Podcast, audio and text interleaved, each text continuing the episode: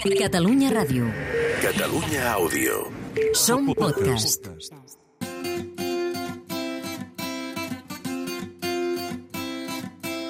Just in time, dancing to the rhythm of rhyme makes my day.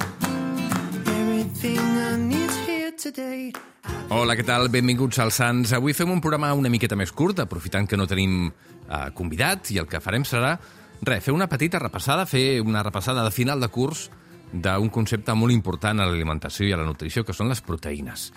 Últimament estan proliferant molts productes enriquits en proteïnes, iogurts rics en proteïnes, postres rics en proteïnes, fins i tot hi ha gelats i pa enriquits en proteïna. Després veurem si cal o no menjar aquests productes, i si cal pagar el preu que valen, que déu nhi duret. Però abans hem d'explicar una mica què són les proteïnes, d'on les traiem, quina quantitat necessitem, etc. Sants i estalvis. La salut que depèn de tu. D'entrada, ja sabeu que les proteïnes són un dels nutrients més importants. No és el més important, perquè no existeix el nutrient més important, però si algú hagués d'estar allà al número 1, segurament seria la proteïna. Serveixen per, sobretot, per uh, reparar els teixits, com a peces de recanvi per reparar els teixits. També formen part de les hormones, um, de l'ADN, de les defenses... Uh, també tenen eh, funció energètica en moments determinats, per tant, compleixen moltíssimes funcions i això fa que siguin absolutament indispensables a la nostra dieta. Sense proteïnes, no, segurament no podríem viure. Quanta proteïna hem de menjar en una dieta saludable, una dieta equilibrada? Doncs, segons l'OMS, segons la Organització Mundial de la Salut, la quantitat recomanada aproximada és de 0,8 grams per quilo de pes. Que clar, aquesta dada, mm, a la gent que no sap calcular proteïnes i grams i quilos i tot plegat, els hi sembla una mica estranya. 0,8 grams per quilo de pes, doncs eh, calculeu, si una persona pesa 70 quilos, doncs són 56 grams de proteïna al dia. Val. Tenim la dada científica. És una dada que mm, serveix per a la majoria de persones. Algunes persones en poden prendre una miqueta menys i algunes més. Quines n'haurien de prendre més? Les criatures, la gent gran i els esportistes, sobretot. Però no gaire més, eh? Els esportistes ja és un cas a part, i n'hem parlat algunes altres vegades de quina quantitat de proteïna han de prendre els esportistes, sempre en funció de l'esport que puguin fer, però per la resta, criatures i gent gran, aniríem a 1 o 1,2 grams per quilo de pes al dia. És a dir, una persona de 70 quilos doncs hauria de prendre uns 80 grams de proteïna al dia. Uh, però de mitjana, tornem a la mitjana, 0,8 grams de proteïna mm, per quilo de pes al dia, per tant, com dèiem, una persona de 70 quilos ha d'anar cap als 56-60 grams de proteïna al dia. Què coi significa això? D'on trec aquesta quantitat? Quanta proteïna hi ha als aliments? Com ho distribueixo? M'ho puc penjar tot de cop a sopar o ho haig de repartir entre l'esmorzar, el berenar, el dinar, el sopar, etc. D'entrada, el que és important és que aquesta quantitat arribi com a mínim en dos cops. Sabem més o menys que el cos pot assimilar uns 30 grams de proteïna per àpat, aproximadament, una mica més, una mica menys, segons cada, cada metabolisme. Per tant, com a mínim a dos dels àpats del dia ha d'haver-hi proteïna de bona qualitat. Com a mínim a dos. Si n'hi ha tots, cap problema. Si n'hi ha l'esmorzar i el dinar i el sopar, tampoc seria un problema. Com ho traslladem això al plat? Doncs eh, després parlarem d'on trobem la proteïna, però si ens hem d'imaginar un plat i el dividim en quatre parts, en quarts, en una d'aquestes parts hauria d'haver-hi la proteïna. És a dir, la proteïna hauria d'ocupar més o menys visualment una quarta part del plat. L'altra serien eh, els hidrats de carboni, una quarta part, i l'altra meitat segurament seria de, de verdures. Val? Per tant, si agafem un plat, el dividim entre quatre, Dues parts d'aquest plat serien verdures, una part seria proteïna i l'altra hidrats de carboni. Això és una recomanació bàsica perquè de manera visual sapiguem com hem de repartir les quantitats en un plat, val? per no haver d'estar comptant grams i coses d'aquest tipus. D'on traiem les proteïnes? Bàsicament hi ha dos tipus de proteïna, les que trobem en els productes d'origen animal, en els animals, i les que trobem en els vegetals. No hi ha gaires diferències entre aquestes proteïnes perquè bàsicament estan fetes dels mateixos aminoàcids. La diferència fonamental és el paquet on arriben, on trobem aquestes proteïnes. En el paquet carn, el paquet animal, per entendre'ns, Aquestes proteïnes són una mica més fàcils de digerir i, en canvi, quan arriben proteïnes a través d'un paquet vegetal, són una mica més difícils de digerir perquè hi ha altres nutrients que també el cos, a la digestió, ha de digerir, com per exemple la fibra. No vol dir que siguin pitjors ni millors, senzillament que són costen una miqueta més de digerir, és a dir, que triguem més temps a fer-los servir. Però a banda d'això, la qualitat eh, pràcticament és idèntica. Quines proteïnes d'origen animal tenim? Doncs, eh, evidentment, la carn, ja sigui carn vermella, ja sigui carn blanca, qualsevol tipus de carn, el peix, que també és un tipus de carn, peixos, els làctics, la llet, que tampoc en té una gran quantitat, però la llet, els formatges, etc. i també la trobem als ous. Segurament la que d'aquestes és la de millor qualitat, eh, és la dels ous. Aproximadament un ou té un 7, depèn de la mida, eh, 7, 8 grams de proteïna per cada ou. Per tant, si ens prenguéssim una truita amb dos ous, estaríem prenent uns 18 grams de proteïna, 15, més o menys, i si tenim de referència aquells 56 grams de proteïna que necessitem al dia si pesem 70 quilos, doncs mira, amb dos ous ja hem fet 18. Per tant, és una manera d'anar calculant, més o menys. Eh? Peix, carn, làctics i ous. Aquests són els productes d'origen animal. Eh, els productes d'origen vegetal que contenen proteïna la font fonamental de proteïnes són els llegums, ja siguin llegums, entre cometes, normals, com els cigrons, eh, com les mongetes, etc, o aliments que porten llegums i que han estat processats, com el tofu, que porta soja, com la eura, que també està fet amb soja, com el tempe, com la soja texturitzada, etc. La soja també és un llegum. La soja té una certa mala fama perquè diuen que té unes hormones similars a determinades hormones del cos, que poden feminitzar l'organisme, etc.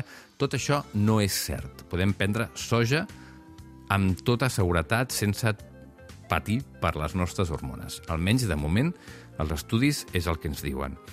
I una altra preocupació de moltes persones respecte de la soja és que és soja transgènica i que és soja que ve de l'altra punta del món i que per culpa de la soja s'està desforestant l'Amazònia. Això hem parlat moltes vegades amb molts experts i sempre tots ens han dit el mateix. D'entrada, eh, la soja que prenem a Europa no està permès que sigui, com a mínim la soja directa de consum, no està permès que sigui soja transgènica. Aquí no entrarem en si la soja transgènica és millor o és pitjor. Això seria un capítol a banda. Però sí que és important saber, si és un tema que us preocupa, que la soja que trobem en qualsevol producte i que mengem directament, és a dir, la soja doncs, del tofu o del tempe o la soja texturitzada, primer, no és soja transgènica i segon, no prové de l'Amazones. Prové d'altres llocs, com per exemple al nostre país, sobretot la soja que prenem eh, prové de, de França. I mai és transgènica, repetim, eh? mai és transgènica. Aquest és un mite que s'ha instal·lat i que és una mica difícil recta, però les coses són, són el que són. Um, de totes aquestes proteïnes, quina és millor? Tant se val. Els cigrons són una font magnífica de proteïna, les mongetes també, la soja, uh, etc.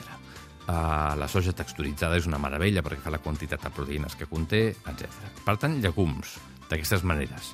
On més hi ha uh, proteïna vegetal? Els fruits secs i les llavors, el que passa que, clar, no mengem grans plats. Imagineu aquell plat que dèiem abans, que un quart d'aquell plat fos tot de llavors o tot de fruits secs seria una mica complicat. És una bona font de proteïna, el que passa que mengem poca quantitat, per tant, no és suficient.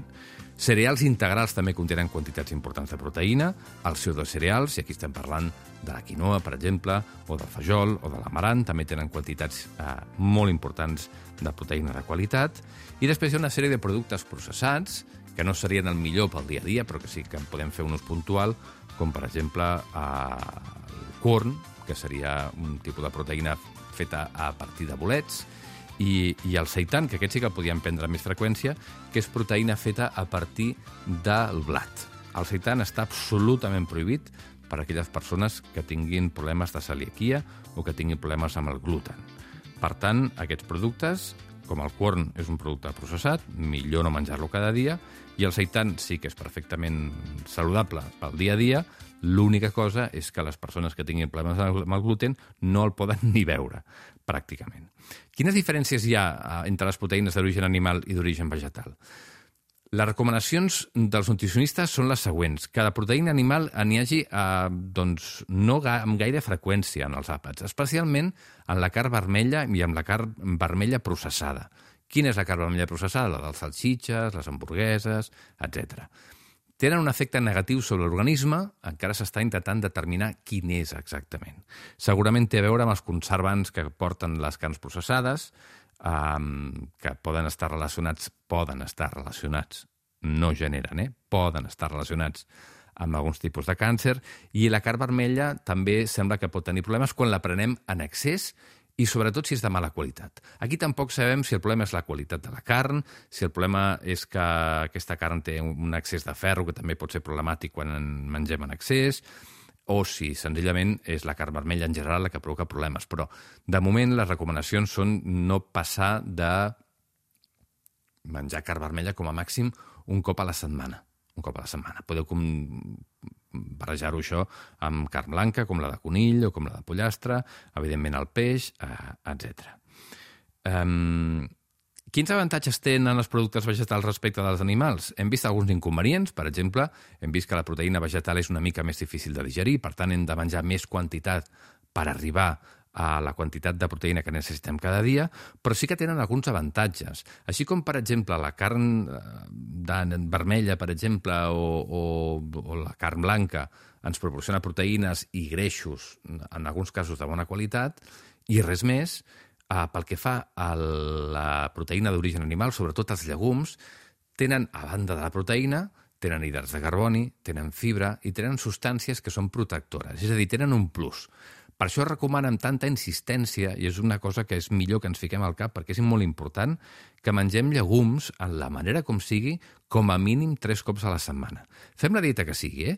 Quan es parla de dieta quan es parla de proteïna animal i vegetal sempre acabem parlant de ser vegetarià o no ser vegetarià i són coses que no tenen res a veure. Una persona pot menjar llegums i no ser vegetariana eh, i, i quan recomanem reduir la quantitat de proteïna animal i incrementar la quantitat de proteïna vegetal no estem dient a la població que es facin vegetarians, senzillament estem dient que aquest tipus d'aliments amb aquest tipus de proteïna proporcionen eh, protecció davant de determinades malalties, per exemple, malalties cardiovasculars, etc.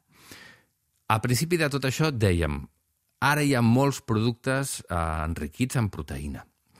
Cal que els comprem perquè, com que hem sentit que la proteïna és tan bona, cal que em gasti més diners en comptes de comprar un iogurt. Em compro un iogurt que té 15 grams de proteïna, un iogurt normal en té 4 o 5, aquest el té el triple. Val la pena que em gasti els diners? No, no val la pena. Podem treure la proteïna de la resta d'aliments perquè és molt fàcil arribar a les recomanacions de les eh, institucions eh, sanitàries, de les organitzacions com l'OMS, per exemple, és fàcil arribar a través de llegums, a través de carn, a través del peix, a través de cereals, etc. tots aquells productes que hem dit, per tant no cal gastar-se els diners. Proteïna en pols, tres quarts del mateix, amb una excepció. Les persones que practiquen esports d'alta intensitat, i quan diem d'alta intensitat vol dir entrenar com a mínim, com a mínim, cinc cops a la setmana i sobretot si es fan exercicis de força. Aquestes persones que desgasten tant el múscul necessiten reparar aquest teixit i, per tant, necessiten ingerir una mica més de proteïna que la resta de persones. Per a aquestes persones que segurament no podrien arribar a través dels aliments a les quantitats recomanades, recomanades per, per incrementar la massa muscular, doncs en aquests casos sí que podria ser interessant prendre proteïna en pols. També podria ser interessant, per exemple, per les persones grans que mengen poc, mengen poca quantitat i al final tenen problemes perquè no arriben a la ingesta recomanada de proteïna i això fa, juntament amb el sedentarisme, que desenvolupin problemes de sarcopènia. La sarcopènia és un procés de pèrdua de massa muscular que és normal amb l'edat, però que s'accentua si les persones són sedentàries i si aquestes persones, a més a més de ser sedentàries, ingereixen poca proteïna, doncs és la recepta perfecta per al desastre. Quin és el problema de la sarcopènia? Doncs que limita la mobilitat, quan perdem massa muscular encara ens tornem més sedentaris i és un pes que es mossega la cua. Una persona sedentària al final eh, té una esperança de vida més curta que una persona que és activa. Per tant, en els casos de les persones grans sí que podria ser útil que prenguin un batut de proteïna en pols al dia o, o proteïna en pols posada en algun lloc de manera estratègica perquè arribin a les quantitats de proteïna recomanades per la OMS i per la majoria de nutricionistes. Per tant, resum, recordeu sobretot, més enllà de les quantitats de proteïna que necessiten al dia i tot plegat, un plat, el plat de Harvard, que s'anomena, el dividim en quatre, I un d'aquests quarts ha d'estar ocupat tot per proteïna, ja sigui proteïna animal, ja sigui proteïna vegetal. La proteïna vegetal, sobretot la dels llegums i la dels fruits secs, i la dels cereals integrals i els cereals, a més a més de proporcionar proteïna, ens proporciona altres nutrients que són interessants i que ens poden protegir de determinades malalties. La carn d'origen animal és més fàcil de... La proteïna d'origen animal, millor dit, és més fàcil de digerir, um, una miqueta més fàcil, eh, ens proporciona greixos, en alguns casos són greixos de bona qualitat, en altres no, i això depèn bàsicament de dos factors, del producte, és a dir, si és un peix, mm, per exemple, un peix blau, el greix serà de bona qualitat, si és una carn d'origen animal com una vedella o alguna així, dependrà molt del tipus d'alimentació que hagi rebut aquell animal mentre l'han estat criant.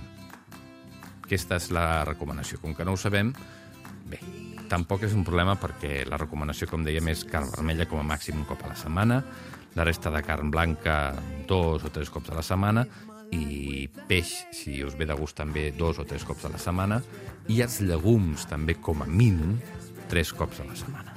Tot això ho repartim entre els diferents àpats, millor si n'hi ha, hi ha una mica de proteïna a l'esmorzar, i si no esmorzem doncs no passa res, però una mica de proteïna com a mínim a dos àpats, dos àpats importants, els àpats centrals, el dinar i el sopar, i a partir d'aquí no cal ni comptar, ni preocupar-nos, ni res. Senzillament que hi hagi proteïna a cadascun dels àpats, i amb això ja ho tindríem.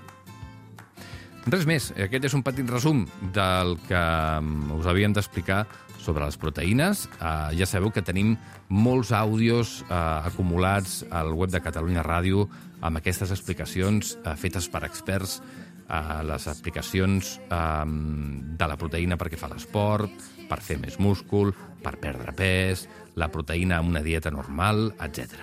Tot això ho podeu recuperar a través del web de Catalunya Ràdio. Però de moment avui hem aprofitat que no teníem cap convidat per fer aquest petit resum per saber, res, l'ABC del món de la proteïna. I am aware and feeling alright.